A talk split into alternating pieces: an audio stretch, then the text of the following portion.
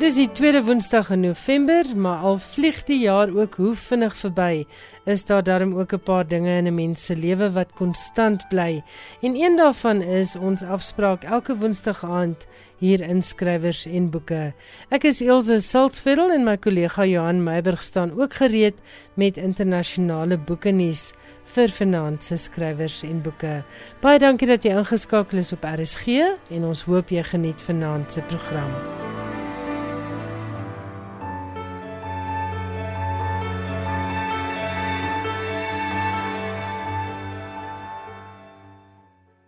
In vanaand se program val die fokus so bietjie op jeug en boeke en die verskil wat lees aan jong mense se lewens kan maak. Ek gaan gesels met twee mense wat betrokke was by die onlangse Cape Flats Book Festival. Die een is 'n skoolhoof, meneer Clive Aris, en die ander is Roscoe Williams, programorganiseerder van Read to Rise, 'n nuwensgewende organisasie wat die boekfees gereël het en ook betrokke is by 'n leesprogram vir 47 skole op die Kaapse vlakte. Dan gaan ek ook gesels met Joa van Duyk en sy is die skrywer van die jeugromans Branderjaar en Vuurvreter. Joa is maar vlak in haar 20s en nog op universiteit, maar sy praat beslis die taal van jong lesers. In Johan Meiburg se gebruikelike internasionale nuus gesels hy met ons oor die Engelse vertaling van die Belgiese skrywer Stefan Hertmans se nuwe roman en hy vertel ook hoe TikTok, 'n bekende sosiale media platform, help om boeke onder jong mense te bemark. Johan bring ook hulde aan die Amerikaanse digter Gerald Stern wat onlangs oorlede is. Ek hoop jy geniet die program. Eerst aan die beurt. Johan vertel meer oor die nuwe Stefan Hertmans roman.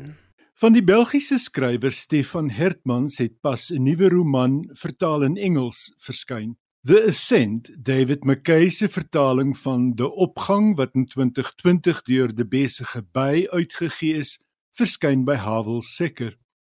Hertmans het in 2017 die langlys van die Booker International gehaal met War and Turpentine 'n boek wat in 2016 in Afrikaans vertaal is as Oorlog in Terpentyn in deur Protea uitgegee is.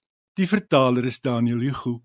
The Ascent is die verhaal van Willem Verhulst, 'n Vlaamse nasionalis wat steun gebied het aan Duitse besetters tydens die Tweede Wêreldoorlog en by die SS aangesluit het. Maar daar is ook 'n persoonlike kinkel wat Hertmans in die verhaal inweef Verhulst het in die einste huis in Gent gewoon waar Hertmans en sy gesin tans woon.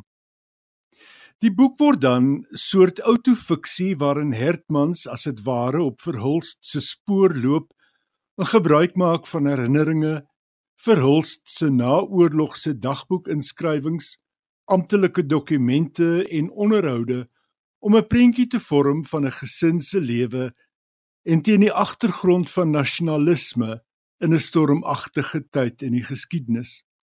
Hy verbeel en verbeeld verhulst wat in sy nasie-uniform daar lank op geheimsinnige sendinge in die niet verdwyn terwyl sy vrou Mientjie met die kinders tuis by die huis sit. Sy raak agterdogtig oor die geld wat hy inbring terwyl die meeste mense in die buurt skaars geld het vir sout in die sop. Hertman se roman is in 'n resensie beskryf as 'n hibrid van geskiedenis en fiksie wat dien as 'n kragtige bevestiging van die feit dat vergrype van die verlede nie net fascinerend is nie, maar vandag steeds weerklank vind. Dit was Johan Meiburg en hy het gesels oor The Ascent David McKay se vertaling van Stefan Hertman se Belgiese roman De Opgang. Ek is Elsje Salzwetel en jy luister na skrywers en boeke. Elke boekliefhebber sal weet hoe diep boeke 'n mens se lewe kan raak en hoe dit selfs lewens verander. En twee mense wat maar te goed hiervan bewus is, is meneer Clive Aris, 'n skoolhoof van die Kaapse vlakte en Roscoe Williams, programorganiseerder van die Read to Rise projek.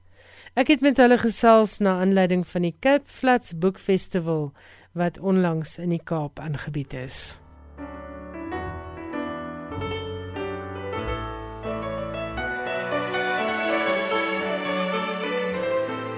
Ek gesels vanaand met meneer Clive Aries. Nou meneer Aries is 'n skoolhoof daar op die Kaapse vlakte. Clive, goeienaand. Baie dankie dat jy met my gesels hier op Skrywers en Boeke. En ons praat vanaand oor die towerkrag van lees. Nou vertel ons eers 'n bietjie wie is Clive Aries? Baie dankie. Dankie vir die geleentheid. Ek waardeer dit baie. Clive is 'n onderwyser hier by West End Primêre Skool, is 'n skool in Mitchells Plain in die Kaap. Ek was al by verskeie skole uh in verskeie posisies gewees as onderwyser, uh departementshoof, adjunkhoof, hoofde by verskillende skole gewees. So ja, amper 30 jaar in in die tuig en still going. Ek het 'n artikel in die Mail and Guardian gelees oor die Cape Flats Book Festival en dit is by West End aangebied. Toe lees ek daar dat jy gepraat het oor die mag wat boeke en lees kinders gee. Kan jy vir ons 'n bietjie uit jou ervaringswêreld as skoolhoof vertel daarvan en ook spesifiek wil ek vanaand weet wat se verskil maak lees aan die wêreld van 'n minder bevoorregte kind? Ja, absoluut. Dis uh, ons hoor van die boekefees wat deur Ethel Williams gekoördineer het. Dit is sy sy gedagte, sy droom. Het ons onmiddellik op daai bootjie gespring om deel te wees van die strategiese plan van ons skool is maar van leerders goeie lesers te maak of ten minste doeltreffende lesers te kan maak sodat hulle kan 'n uh, beter toekoms vir hulle self bou. Hulle sê immers dan dat uh, lesers raak leiers So dit was belangrik vir ons skool gewees vir verskeie redes. Dit is die bevordering van lees, die kultuur hier by ons skool te bevorder en ons ideale geleentheid om ons leerders bloot te stel aan belewenis en nie net noodwendig uh, lees deur onderrig in die klasie maar dan ook deur hulle eie ervaring 'n boekefees by te woon. Iets wat niemand van die leerders gaan weet op die op die Cape Flats veral nie. Die tweede belangrike punt was gewees om ons gemeenskap 'n bietjie nader te trek en hoe beter deur ehm um, middel van lees as 'n maatstaf om vir hulle by die skool te kry. Gewoonlik is dit maar deur sport en ander kultuurverleenthede. By hierdie keer deur lees en dan ook is dit 'n ideale geleentheid gewees vir ons skool om bietjie positief die skool te bemark op 'n positiewe manier en ons bloot te stel daar in die buitewêreld deur die Cape Flats Ons is eintlik um, baie baie dankbaar vir hy geleentheid dat ons deur Rito Rice en Ethel Williams die geleentheid kon gekry het dat ons nou vir die tweede jaar die uh, Cape Flats Book Festival kon hier by ons skool gehad het. Skool het 'n belangrike rol uh, om lees te kan bevorder om te help die verbeelding van leerders te kan prikkel kweek van twee verskillende die liefde en 'n gewoonte vir lees en ook 'n respek vir boeke waar ek voel by die huis is die verantwoordelikheid van die ouers liewers om 'n kultuur van lees aan te kweek by die kinders, by hulle eie kinders. Ek dink uh, leerders sal nie lees belangstel as hulle nie sien hulle ouers of hulle rolmodelle lees ook nie. Jy weet, ehm um, daar is 'n studie gedoen van leerders wat in graad 3 is. Leerders wat in graad 3 volkome kan lees, het 'n groter kans om matriek te kan slaag. So lees is baie baie belangrik. Lees is soos 'n moedertaal wat hulle ook moet kan. Dis verskillende tipe lees wat leerders moet kan voldoen. Die lees met begrip, soek lees, jy weet, stil lees. As ek maar net kan kyk hoe help mense hierdie leerders om die liefde van lees aan te kweek. Miskien is dit soms nie uh, so maklik soos ek dit miskien kan sê nie. Maar as ek net kyk na eie ervaringsveld af as 'n leier myself, het ek lief geraak vir lees as gevolg van die feit dat ek meer wil geweet het van tennis of van motors of van rugby. So daai boeke het vir my gehelp om my leesgewoontes aan te kweek en 'n liefde vir lees te kweek. Ek dink dit is nogals belangrik dat mens daardie geleenthede vir die kinders kan gee. Want lees is maar immers niks te doen met intelligensie nie. Ehm um, dit is maar soos 'n atleet wat oefen elke dag om vinniger te kan hardloop. So moet jy my elke dag lees om beter te kan lees en jou vermoë te ontwikkel. Eenvoudig soos dit, sal ek sê.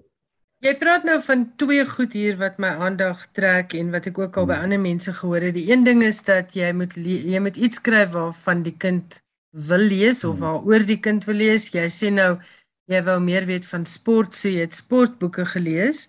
Wat met ander woorde ook beteken 'n kind hoef nie noodwendig stories te lees nie. Hy kan feiteboeke lees of hy kan tydskrifartikels of koerantartikels lees. Is ek reg? Absoluut, absoluut. Ek dink die die groot uitdaging deesdae is die feit dat daar baie min families, huishoudings koop nog koerante. Alles is deesdae online. Daai is, is 'n nuwe tipe leerder, tipe kind wat ons het. Hulle leer verskillend soos nie soos ons groot geraak het nie. So mense met daardie media gebruik om hulle te kan bereik deur hulle bloot te stel in wat belangrik is vir hulle. Weet uh wat daar aan hulle belangstel om hulle te kan prikkel. Jy het nou nou ook gepraat van uh monkey see monkey do en ouers wat moet lees en rolmodelle wat moet lees. Maar nou werk jy in 'n arm gemeenskap waar ouers miskien afwesig is of laat eers aans by die huis kom Jy werk dalk ook in 'n gemeenskap waar alle ouers ehm um, self nie noodwendig geletterd is nie.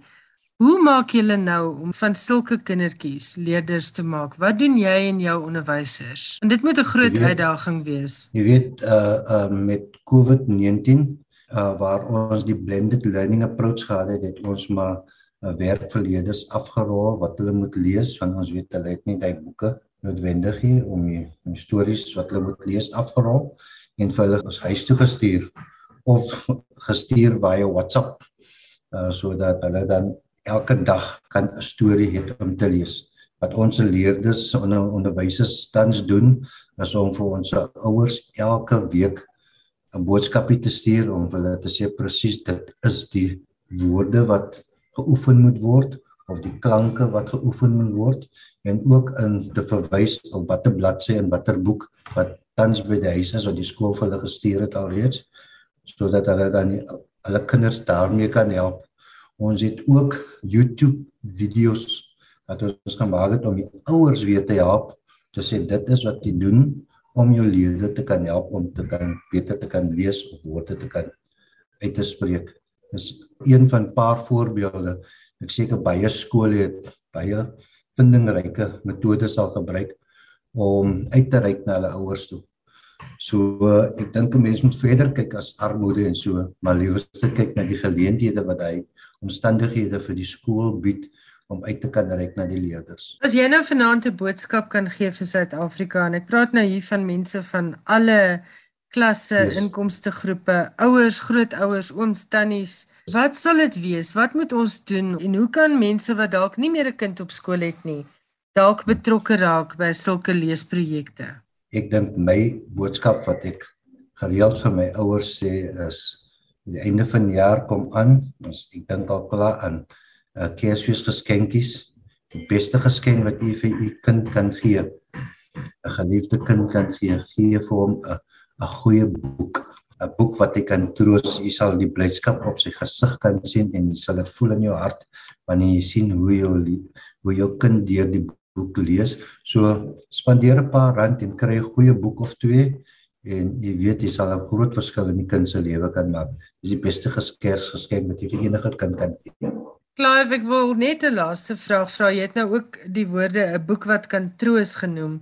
Nou ons almal ja. weet as jy nuus kyk, die Kaapse vlakte het maar 'n geweldige klomp trauma en kinders raak noodwendig ook getuies van hierdie trauma. Watter rol speel lees as terapie? Kan jy agterkom dat kinders wat getraumatiseerd is en wat stories hoor dat hulle lewenswêreld tog verander? Uh, uh in ons omgewing, in ons gemeenskap is 'n dame Farida Eybrums. Sy is 'n boerling van District 6. Sy het twee boeke geskryf. Dis iemand wat in ons skoolomgewing woon sy doen ook 'n feeding skema weekliks by haar huis waar sy vir die kinders wat regtig ietsie nodig het om te eet wat sy aan hulle ook kan skenk. Dan nooi ons nou vir haar skool toe en sy kom gesels saam met ons se kinders oor haar verlede.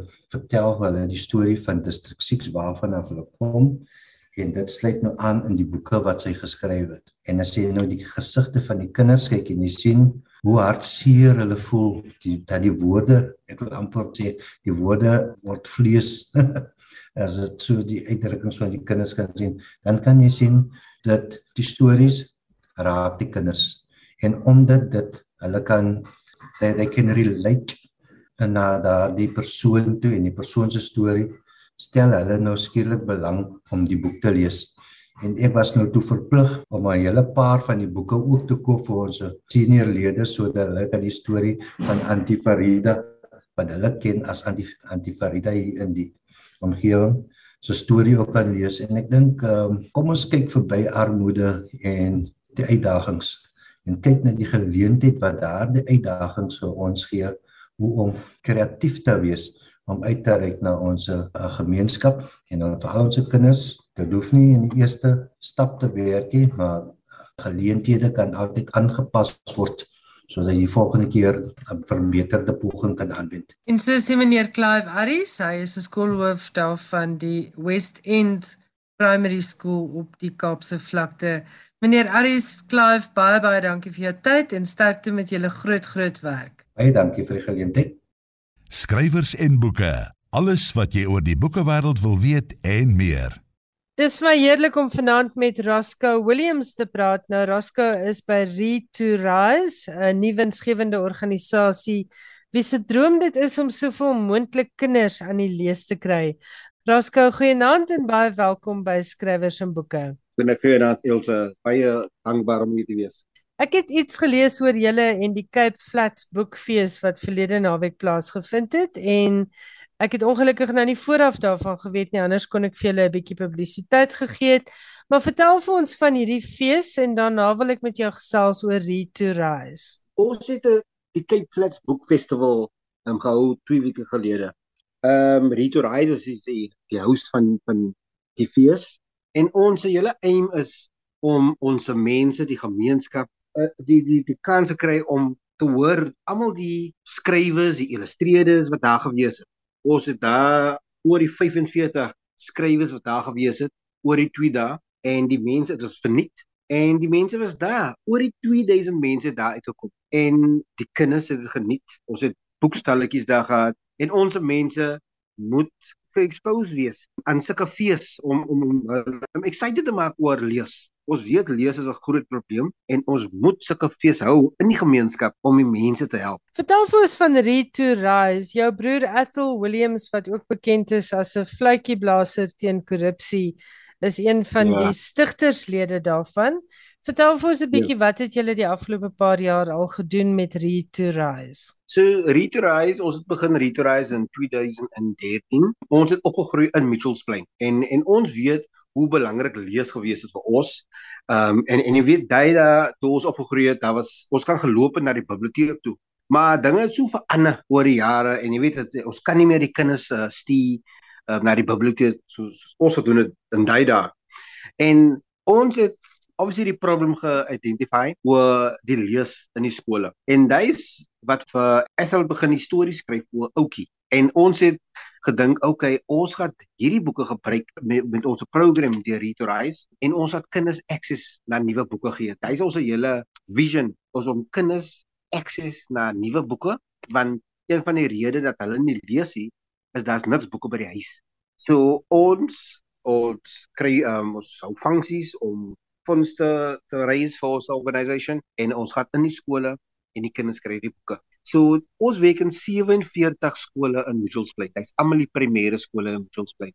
Daar's omtrent 10000 graad 2 en en 10000 graad 3 kinders daar. En vir vir 9 jaar ek en my span uh it's facilitators van Mitchells Plain en ons gaan elke dag na verskillende skole toe in Mitchells Plain. Ons spandeer uh omtrent 'n uur in daai klas waar ons praat oor die die die stories. Nou die boeke wat ons gee, is soos ek gesê het, 'n storie oor Oukie. Oukie is um, hierdie akker is ons 'n karakter in ons in ons boeke en daar is ag van hierdie boeke. En in elke boek is daar hierdie life lessons, die morals in die storie. So as ons in die skool gaan, ons ons praat oor die storie en dit's relevant. Jy weet soos die storie wat ons vandag gebruik het, praat oor boelie en ons weet hy's 'n groot probleem in ons skole. En en deur die stories obviously ons wil die kinders laat lees maar daar's die lessons in die storie wat ons kan ook leer en dis wat ons doen elke dag. Kinders ons gee hulle boeke.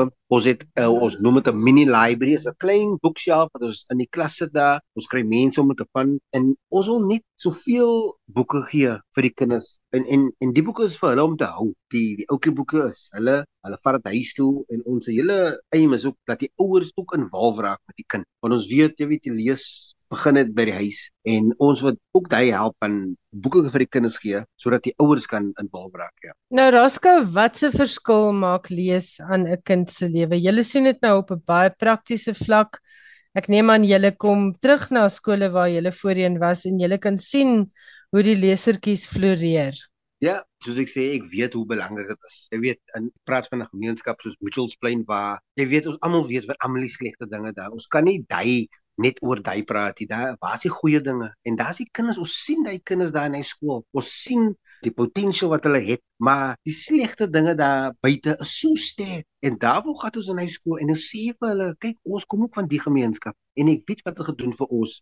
En ons gebruik Ethel soos 'n hy's 'n perfect role model om te ding. Hy het ook van Mitchells Plain gekom maar hy het by vyf van die beste universiteite in die wêreld gaan studeer En dit is wat ons try vir hulle um te encourage. Jy know, jy weet, dit is nie van waar jy kom en dit is wat ons probeer doen vir die kinders. En hulle sal eendag wanneer hulle groot is, dan sal hulle verstaan. Jo, ek is so dankbaar dat ek nou kan lees. Ek ek, ek het nou 'n week ek kan studeer en en en dit is wat ons probeer vir hulle sê. Want jy weet, um ons moet keer hierdie positive role models in ons gemeenskap wat in die skole weet wat daar is ons kan nie laat die kinders die die slegte mense prys nie. Daar's goeie mense in daai gemeenskap en ons moet vir hulle uh, hulle moet kon help. Jy het nou nog gesê jy het of julle by Retorise het 'n span vrywilligers. Nou hoeveel mense is betrokke wat so by die skole omgaan om vir die kinders te lees en oor boeke te vertel? So my span kyk is 'n klein span. Daar's 3 van ons wat wat is daar en ek het 'n span in in in Soweto en Johannesburg ook. Hulle hulle werk ook daar. Daar's 4 mense. Hulle werk in 30 skole, maar ons span is klein, maar daarvoor elke dag gaan ons daar by die skole. So ons werk met graad 2 en graad 3 kinders. Ons werk met die foundation phase en daai is ons se aim. So ja, ek wens ek kan met 'n groot span ook wees, maar jy weet soos die NGO, funding is altyd 'n storie. Maar ons mag 'n klein span wees, maar die impak wat ons het op hy gemeenskap is groot. As ons praat van die naam van die mense wat daar as hulle praat van Retorise, hulle weet dis die mense van die boeke, dis die mense wat ons kinders help. En by die fees by die boekfestival fees, die ouers was so bly om vir ons te ontmoet want jy weet as die kinders huis toe gaan en hulle praat met die Retorise mense wat so gesê het, hulle wil sien wie's die mense. En daai was ook 'n kans sodat ons kan saam met die ouers interact en praat en weet en, en dis wat ons wil hê. Ons lewendige mense, jy weet ons ons ons gaan daar die skool toe, jy sien ons in die gemeenskap. Ons moet ons mense so help. Nou vertel vir my net 'n bietjie van die kinders se terugvoering. Wat vertel hulle vir julle van boeke en van lees sodra dit nou 'n bekende soort van deel word van hulle lewens? Eendag was 'n graad 3 kind en sy sit daar in 'n klas en ons praat praat oor jy weet ons praat oor die skrywe en sy sê o, oh, sy het ook 'n storie geskryf. En ek sê oké, okay, ja, dat ek 'n storie sien. En sy haal dit uit 'n sak uit En kyk, dit was jy weet dit prentjies daar, passing sentjies maar die way jy kan prys want dit mag nie 'n regte storie gewees het, maar net die, die way ons geïnteracted met hy kind en prys en encourage it. Want kyk, hy's op begin van van iets van iets groot. En die kind het toe huis toe gegaan en ons het aangegaan, maar die ouer het vir ons 'n e-mailadres eers gekry en vir ons 'n persoonlike e-mail gestuur om te sê iets het verander in haar kind sy was op anxiety pille en iets het net verander van hy die lesse in ons klas dat sy wil nou begin skryf. Sy is nou graad 8, uh, daai kind. En jy weet, toe ons by haar primêre skool gewees het, gat ek daar in hy klas, hy kan sien vir ons. Jy weet nou, ek en die ouers soos ons op social media, so die connection nog altyd daar. En daai was net een van die mooi stories wat uitgekom het. Jy weet kinders wat nou net kan nie gelees het nie, maar hulle wil nog so graag lees. En die ouetjie stories, jy weet, is 'n storie wat die kinders kan relate. Is 'n exciting story, daar's songs in die in die storie. So die kinders wat deur hy ouetjies ehm um, program gaan as hulle vir ons sien, soos vandag ons gaan net met die graad 2 en 3 kinders, maar die graad 7 kinders was was saam met ons om te dink, wanneer meneer, wanneer kry ons 'n boeke? Hulle kan nog altyd ding uh, onthou van die wat ouetjie deur gegaan. So die stories van ouetjie is is 'n lifelong lesson. Jy weet, um, ek werk in som van die hoërskole ook as ek daar gaan. Hulle onthou vir my van hulle in graad 2 gewees het. So die impak wat soos ek sê wat Read to Rise het, is 'n groot impak en en en is ongoing. Ehm um, soms mense gaan na skool toe een keer dan is hulle nie weer daar nie vir 9 jaar sê ons is ons het die gemeenskap, ons het hulle geadop en ons wil 'n verandering maak. As ons weer uh, groot fonds moet kry, dan kan ons gaan na volgende gemeenskap. Maar van vir nou, daar's 47 primêre skole daar, amper 20000 kinders wat ons help elke jaar. en dis ons mission. So dis fantasties. Sê vir my, hoe kan die publiek vir julle help? Natuurlik deur donasies, maar kan julle byvoorbeeld ook goeie tweedehandse kinderboeke gebruik by hierdie uh, projek van julle? So ja, daar's klomp skole wat biblioteke wil hê en en jy weet ons ons vat boeke, ehm um, kinderboeke vir vir die skole wat ons kan die biblioteek help. Maar dit kos R50 om 'n kind te sponsor. R50, ons doen ons 'n program in hy klas en hy kind kry sy kry 'n boek vir R50. Jy weet so as ons kan mense kry wat kan vir ons funds die die enige maatskappy wat vir ons kan help. Um, ek sal daar kom by julle presentation doen. Alles Ons webwerf is daar www.retorise.org. Ons is op social media uh, Retorise. Goed, ek wil nou vanaand vir jou vra as jy nou met hierdie ouers te doen het van die kindertjies wat jy help om te leer lees. Watse wenke het jy vir hulle om kinders lief te maak vir boeke want dit is nou nogal 'n ding. Meneer Aries het in sy onderhoud vir my gesê monkey see monkey do en baie ouers is ongelukkig nie in die posisie om hulle kinders te leer lees of om baie tyd aan storie vertel te spandeer nie. Ons weet mense werk hard en laat en kom laat eers by die huis. Maar watse wenke het jy vanaand vir mense wat dalk luister en wat so leesbewustheid ook in hulle eie gemeenskappe wil skep? Ja, ek weet ons stories ons praat dieselfde storie, jy weet. En kyk, so so ons almal van ons wil die beste hê vir ons kinders. Ja, ons wil al die beste dinge koop en alles daai. Maar tyd is so belangrik. Ek weet ons se ouers weet en en kyk ons werk in die skole en ons dink okay, die die, die onderwysers moet die kinders leer. Maar daar's 45 kinders in daai skool. Soos 'n ouer, ek het ons moet ons tyd gee vir vir daai kinders. Ons boeke het 'n uh, vrae agter in die boek. So miskien kan die kind die storie lees, dan die die wat al die ouers kan doen is vra stories oor die storie. Ons moet ons kinders want hy is ook 'n uh, manier om die kinders te kry uh, om te verstaan wat die storie oor gaan as jy die vra vra. En kyk, ons kan nie net ons kinders net daar los. Ek weet ouers weet, maar ons moet ons part doen om hierdie kind te help. Rasco, ehm um, net ter afsluiting, gee net vir ons asseblief weer jou kontak details en ook die webwerf se naam. Op social media is Re2Rise is www.retorise.org. Ehm um, ja, en ehm um, ons webwerf al die contact details is daar en as jy wil donate, jy kan daar op die webwerf gaan. En so gesels Raska Williams, hy is programorganiseerder by Re2Rise.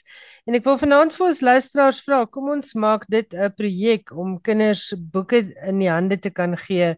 En R50 'n boek is regtig nogal 'n winskoopie. So kontak vir Raska hulle by Reto Rise en borg hierdie Kersfees sommer 'n hele klompie kinders uh sodat hulle ook nuwe boeke kan kry. Raska, dankie vir die lekker gesels en sterkte met julle werk. Baie dankie. Johan Meiburg het nou vir ons 'n bydrae oor BookTok en dit is 'n uitvloeisel van die sosiale media platform TikTok.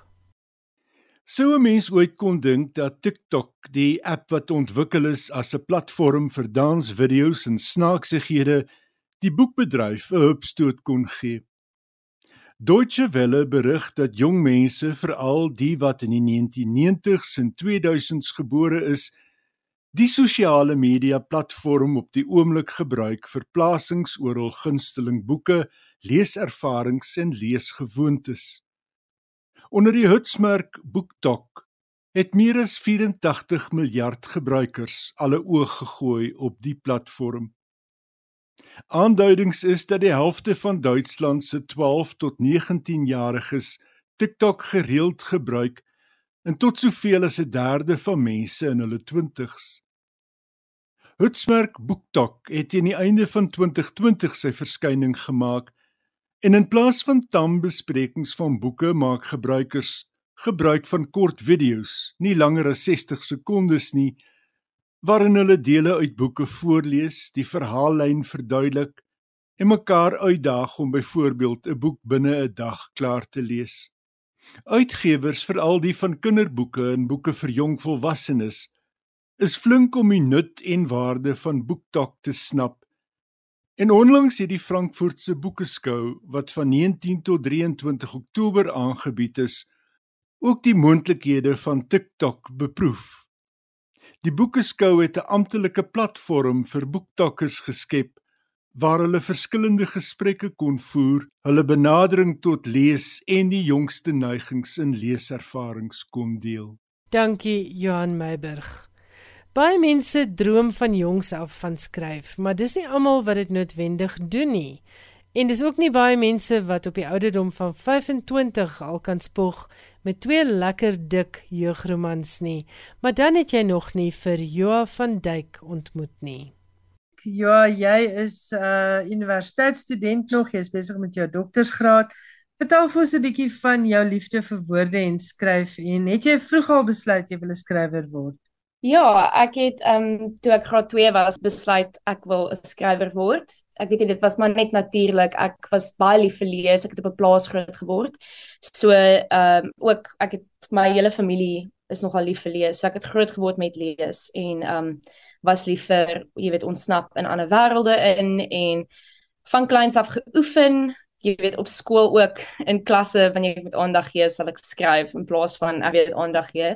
En ek dink my onderwysers het dit maar nou net geïgnoreer dankie tog.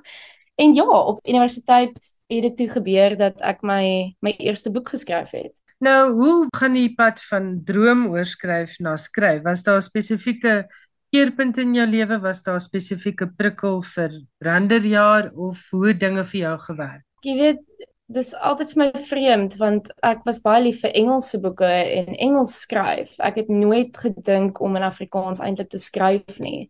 En ek ek dink in eerste jaar toe begin ek spoegwolf luister en Jan Blom en toe begin ek besef soos jy kan regtig speel met Afrikaans en toe begin ek speel en ek het begin dig en later het ek besluit wel hoekom kan ek nie lang vorm skryf nie? Want ek is so lief vir lang vorm so lief vir langer stories. So toe het ek 'n manuskrip geskryf wat ehm um, baie persoonlik was op die op op daai stadium en dit was aanvaar dis baie moeite om iets in te stuur want jy moet dit soos uitdruk, jy moet dit pos, jy moet wag vir maande. Dis very nerve-wracking.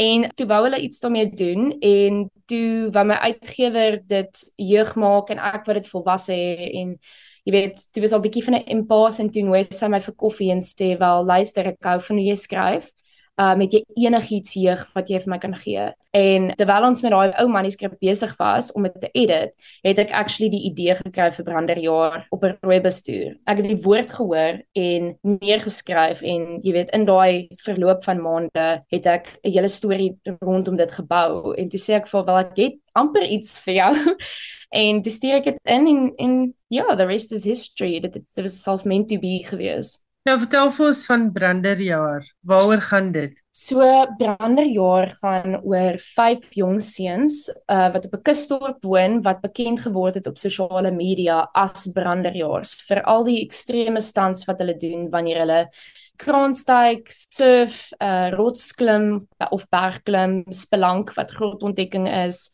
Die storie begin wanneer Deedrey Anker 'n uh, 17-jarige meisie betrokke raak met een van die branderjaars, Lou Swanepoel. En dan besef sy wel daar's baie meer aan hierdie seuns as wat almal dink. Hulle is hulle is half betrokke met donker dinge wat in die dorp aangaan. En ehm um, die boek is vir my baie baie spesiaal. Dit deel met temas van boelie, ehm um, jy weet found family is 'n groot ding, broederskap. Al die al die temas in die boek jy weet kom uit 'n plek van knowing af. Soos ek het ek het van hierdie goed het ek gesien op skool en ehm um, ja, was vir my belangrik geweest om dit deur te dra in 'n boek sodat jy weet kids half die idee kan kry wel dis nie net ek wat dit ervaar of sien nie, dit is dis nogal hier. So daar's gesinskonflik, dwelmmisbruik, daar's 'n klomp goed aan die gang. maar daar's dit dis als teen die backdrop van surfing, van jy weet buitemuurs leef, van die extreme vibe wat die branderjaars aan hulle dra. Goed, en jy het onlangs uh het Viervreter verskyn, dis jou tweede boek. Vertel ons net vinnig van Viervreter en dan wil ek bietjie met jou gesels oor skryf en al die invloede. Viervreter is my tweede boek. Dit is vir my baie baie spesiale boek. So iets van die branderjaars is dat elk van hierdie vyf seuns het 'n baie interessante noemnaam wat deel is van hoe ek, jy weet, gedink het aan aan die storie op die einde van die dag. So ons het bitter einder kan nie dood viervreter, klipvreter en stokebrand. So viervreter gaan nou weer oor uh Malherbe, Albertyn en Nicoleroux waar branderjaar oor Lou Swanepoel en Deidre Anker gegaan het. So elke boek word geskryf uit twee perspektiewe. Um Viervreter volg ons vir Malherbe. Hy is op soek na antwoorde rondom sy suster se verdwyning. So hy moet op hierdie hierdie quest gaan in Kransbos in op soek na Eilwat en um, hy hoop dat hy nou antwoorde gaan kry rondom sy suster se dood. En aan die ander kant het ons Mikele Room en sy wil baie graag haar droom najag hierdie vakansie. En sy kry 'n manier om dit te doen. Dit speel nou af in Desember bygesê. Sy kry 'n manier om dit te doen maar die voorwaarde is dat sy Malherbe se vertroue moet wen. En die probleem is dat Malherbe hom nie kan verdra nie. So dit is bietjie van 'n 'n moeilike situasie want sy moet nou in haar somervakansie met hierdie ou deur 'n bos trek. En hy hou niks van haar nie. Maar sy moet dit nou doen, dis deel van die ooreenkoms. Ek werk ook met baie persoonlike en baie belangrike temas. Ek kyk na body dysmorphia, eetversteurings, geestesgesondheid, weer eens boelie gedrag. Elke boek gaan bietjie konsentreer op boelie gedrag, juis omdat elk van die branderjaars geboelie is. En ja, ons kyk ook na old money versus new money en al hierdie temas, alles speel af in somervakansie dis vir my 'n baie baie spesiale boek, so ek hoop mense geniet dit. Jy klink asof jy jare uh, dekades se wysheid in jou lewe ingeprop het. Is dit maar al die boeke wat jy gelees het deur die jare? ja, ek het baie gelees, maar ek dink ook dit gaan oor ervaring. Ek het agtergekom, jy weet met branderjaar met viervreter deel van hoe ek skryf is om ook op te let wat gaan om my aan en ook vandat ek die boeke geskryf het, voel dit amper vir my ek sien meer goed raak of ek voel dinge meer intens. En ek dink dis juist omdat ek dit half probeer um jy weet compartmentalize sodat ek dit later weer kan gebruik en in my karakters in kan stoot. Maar ja, dikwels kom my idees van gesprekke wat ek hoor of van my eie ervarings. So byvoorbeeld met Viervreter toe ek dit geskryf het, toe vra ek my pa om my te laat hike. Um en dan dan gaan ek uit op hierdie trips en ek ervaar die moeilikheid van hike as jy verskriklik onfiks is en dan pour ek dit back in my boek in. Maar die goed oor geestesgesondheid, boelie gedrag, uh eetversteurings, hierdie is dinge wat eintlik baie relevant is ek dink in in meeste van ons lewens en ons sien dit nie noodwendig altyd raak nie want ons raak so gewoond dat dit deel van ons daaglikse lewe is om dit te sien dat ons nie eintlik besef wat eintlik om ons aangaan nie. So ek ek weet nie, ek weet nie of ek wys is nie of baie ervaring het nie. Ek dink net ek ek het meer begin oplet met die eetversteuring en geestesgesondheid goed veral het ek um, in matriek bietjie daarvan beleef. So dis dis goed wat jy sien in hoërskool en ek dink as jy 'n hoërskoolkind is, deel jy nie daarmee nie. En nou toe ek ouer was, kon ek actually daaroor dink en jy weet tot terms kom met alles wat mens gesien het in hoërskool en wat mens beleef het en ja, ek dink dis ook bietjie waar die goed vandaan kom. Sou jy saamstem met Wyle Derek van der Walt, die bekroonde jeugboekskrywer wat sê uh nee, hy's nie 'n jeugboekskrywer nie. Hy het altyd gesê hy skryf romans waarin die karakters toevallig jong mense is, maar hy wil eintlik hê almal moet dit lees. Ek sal nogal saamstem daarmee. Ek het um ek het agtergekom baie soos daar's 'n very wide age range as dit kom by my lesers ek het jy weet baie ouer mense en dan ook baie jonger mense as wat ek gedink het dit gaan lees. En ek weet dis een keer voorgeskryf vir graad 9s die tenikus toe ek dit hoor toe ek so regtig. En hulle was mal daaroor gewees. Hulle het totaal en al vreemdselwig met die jy weet klein dorpie politiek wat in die boek was en met die karakterservaring van die buitelewe en Ja, so ek dink nie jeugboeke moet geklassifiseer word as net vir 'n sekere ouderdom of net vir kinders of net vir tieners nie. Ek dink daar is tog universele temas in die boeke wat belangrik is vir ons almal want ons almal was tog tieners gewees. Ons almal het tog iewers een van hierdie goed ervaar. So dit maak nie sin dat jy nie daaroor kan lees nie. Nou wil ek vir jou vra hoe uh werk die studies en die skrywery want jy studeer nou in 'n taal en ek het gelees dat jy vir jou meestersgraad in elk geval moes stories skryf oor jou grootwordplek Kleinsee. So vul die twee mekaar aan of is dit vir jou moeilik om tussen Engels en Afrikaanse skryfwerk te wissel? Dit was altyd vir my lekker gewees want jy weet jy, jy, jy akademies skryf ek Engels en uh, jy weet kreatief kan ek Afrikaans toe draai. Maar ek dink die een moeilike ding met swat en skryf is tydsbeplanning. Dit dit is maar net timing. Ek het nou onlangs het ek 'n deadline vir ehm um, my eerste hoofstuk vir my teses gehad vir die draft en ek het 'n deadline vir my derde boek. So nou is dit nou kompeteer die twee vir my aandag want ek dink okay maar kom ek skryf net gou die boek klaar. Wat onmoontlik is want ek wou dit nou in 2 weke klaar skryf en dit it's impossible. Maar dan sê ek soos ek kan nie op die teses konsentreer nie want ek wil heeltyd oor die boek skryf so dit is half 'n kompetisie heeltyd in my brein vir watter deel gaan nou dominant wees en um aan watter deel van my moet ek aandag gee aan, aan die Engels of of die Afrikaans.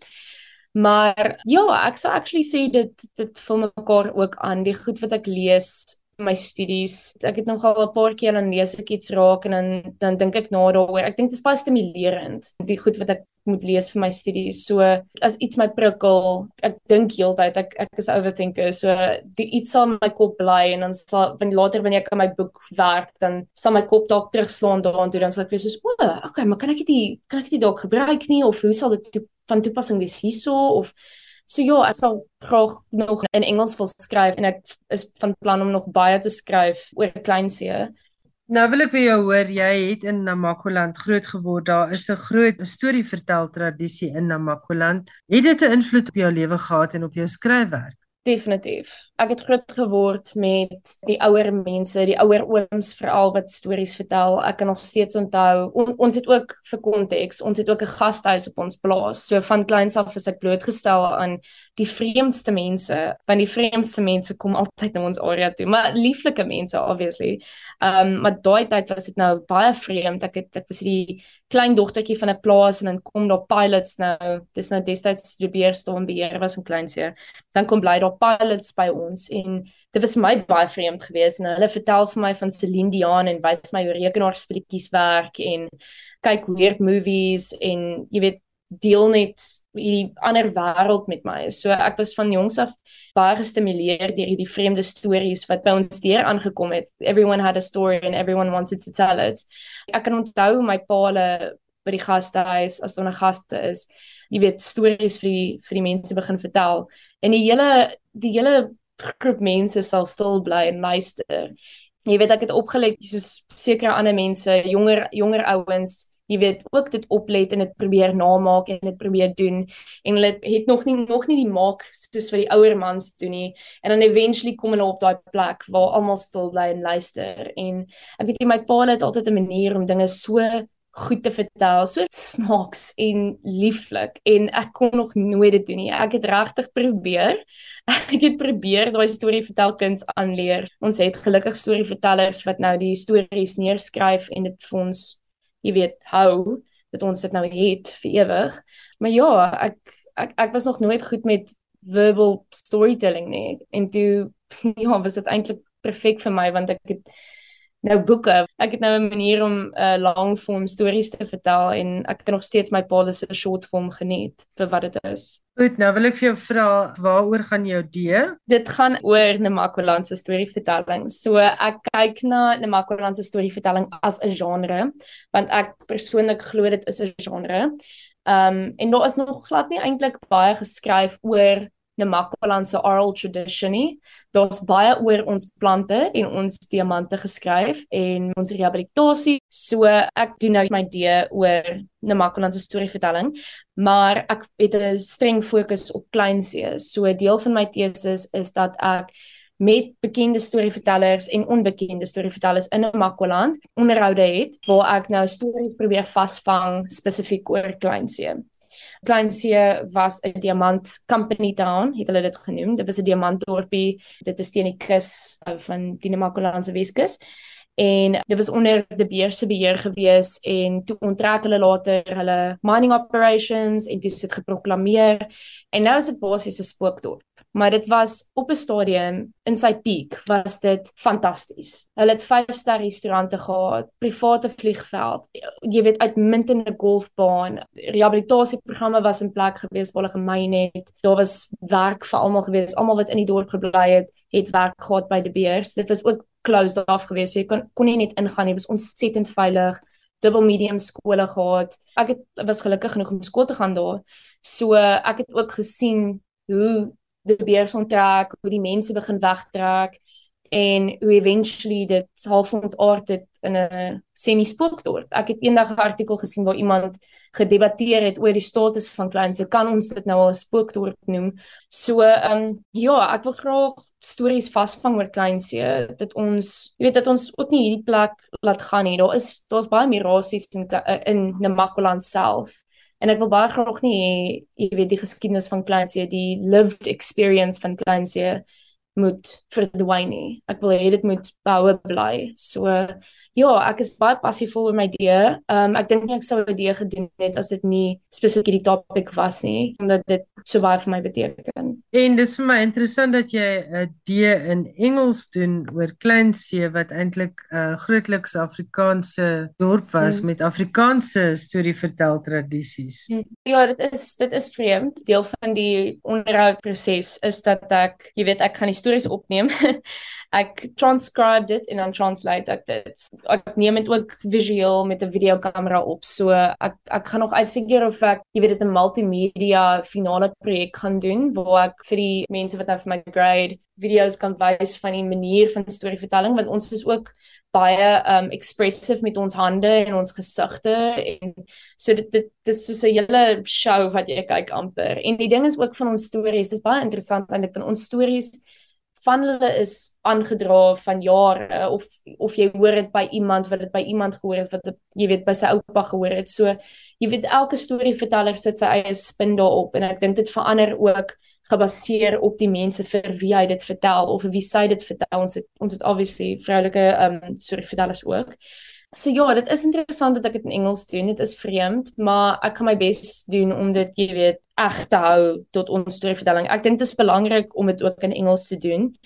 Ek wil dit baie graag kan klassifiseer as 'n genre op sy eie. Um, ek weet nie of dit moontlik is nie, maar ons moet nou kyk. Dit is mos nou deel van die proses van 'n idee. Jy jy weet nog nie heeltemal wat jy doen nie, maar jy het idees van wat jy wil doen en kom ons kyk nou waar dit eindig.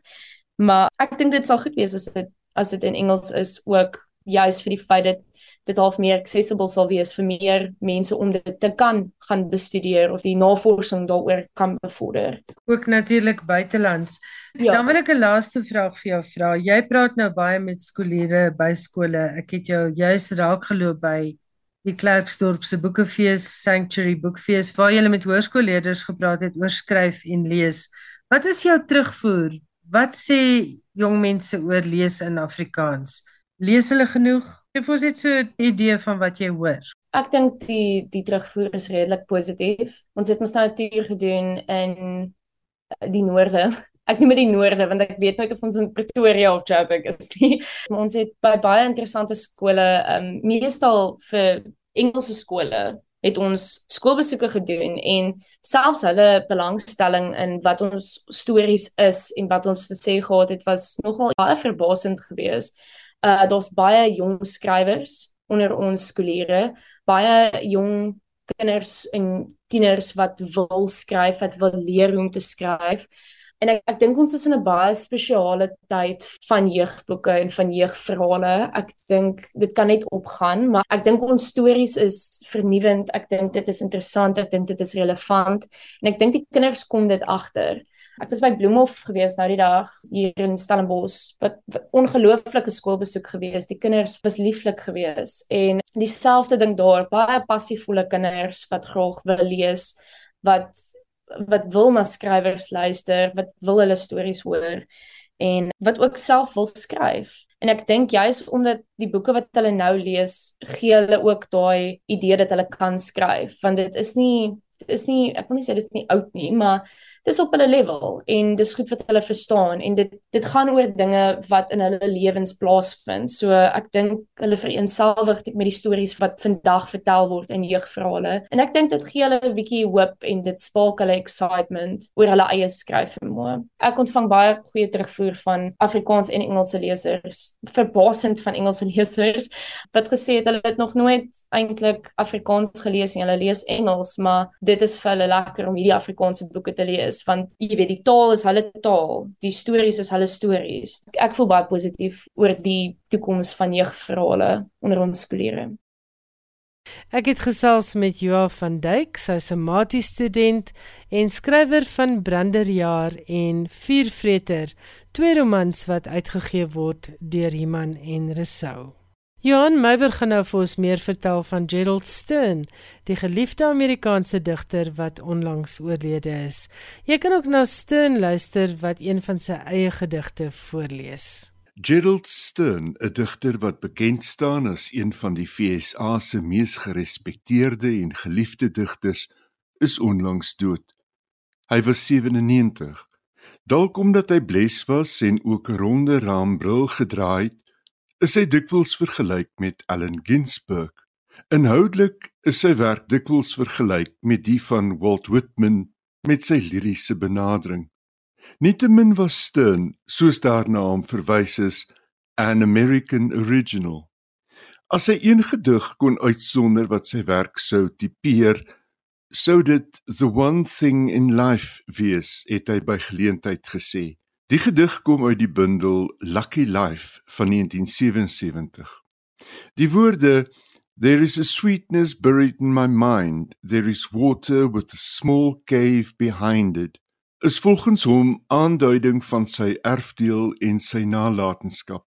Ek het vir myself 'n plek gemaak om dit so te stel het hy gesê, 'n plek wat oorgesien is of geïgnoreer is, wat niemand anders wou inneem nie. Hy was die seun van Oos-Europese immigrante en in sy poësie het hy sy Joodse afkoms in werkersklas Amerika vervleg tot 'n besielde uitdrukking van die mens se emosionele behoeftes en versigtings. Stern het klas gegee aan verskeie Amerikaanse universiteite en hy was ook betrokke by die Academy of American Poets. In 1991 was hy op die kortlys vir die Pulitzerprys en in 98 is die National Book Award for Poetry aan hom toegekend. In 2005 is die Wallace Stevens Prys aan hom toegekend. Hier lees Gerald Stern sy gedig The One Thing in Life uit Lucky Life, die digbundel waarmee Stern vir homself naam gemaak het. Die bundel is bekroon met die Lemont Prys. The One Thing in Life.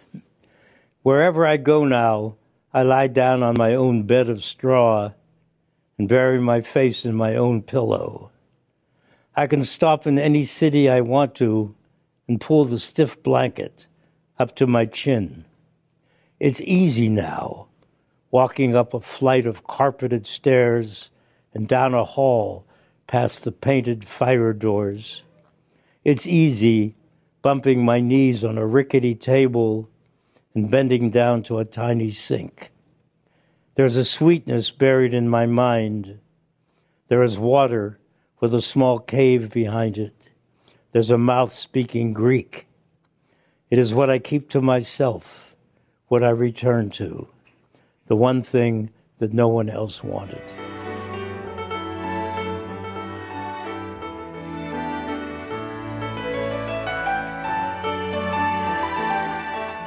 En daardie klankgreep is die stem van Gerald Stern, die Amerikaanse digter wat onlangs oorlede is.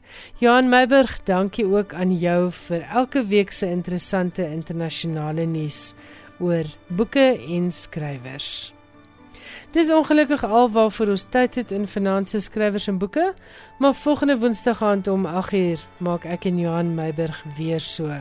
Onthou jou afspraak en tot dan, lekker lees en mooi loop. Tot ziens.